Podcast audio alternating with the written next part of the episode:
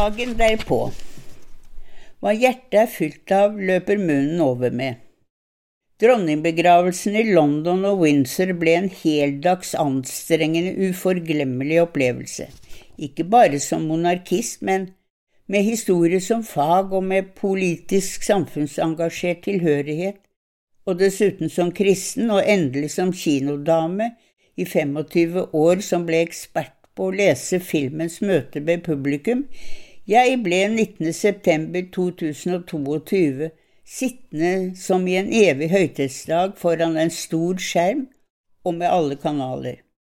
På de sosiale medier stirret man inn i et hav av reaksjoner fra folk flest. Republikanere hadde en dårlig dag og ble nesten feid vekk.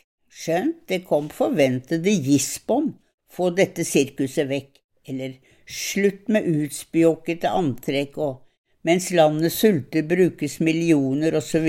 osv. I all hovedsak ble det på Facebook og øvrige tilbud et ustoppelig bevis på hvor sterkt, gripende, vakkert og overveldende oppslutningen ble, og sorgen likedan. Norske kommentatorer både på plass i London og Windsor, tidligere også i Bermordal og Edinburgh, Kent og Nord-Irland og ikke minst hjemme i studio, både i NRK og TV 2. De gjorde en imponerende jobb.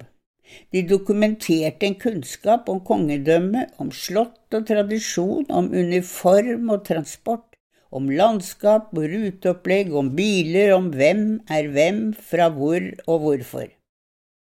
Nå går det ikke godt å kritisere media. De tar sjelden selvkritikk. Men dagen derpå tillater jeg meg, i likhet med Vårt Land, å etterlyse kompetanse om kristen tro, om kirkens ritualer, om kirkerommet som et signet rom denne gang ved en kongelig begravelse. Vel kjenner journalistene til alt og det meste om katedralen og historisk bakgrunn og gjennom tidene som helt avgjørende signalbygg i en politisk virkelighet der og da. Westminster Abbey, St. Charles-katedralen i Edinburgh, Cardiff-katedralen i Wales og Glasgow, og fremfor alt St. George Chapel i Windsor. Alle disse monumentale kirkebygg ble solid gjort rede for av norske journalister rundt baut. Men så. Den engelske dronning var troende. Hun hadde sin pakt med Vår Herre, ikke parlamentet. Det var utenkelig for henne og hennes slekt ikke å ha en kristen begravelse. Salmer, musikk, biskopens taler, alt som foregikk i det seremonielle, hørte til nettopp i en begravelse av en dronning, et overhode for den engelske kirke, selv i 2022. Dette perspektivet ble klart underkommunisert.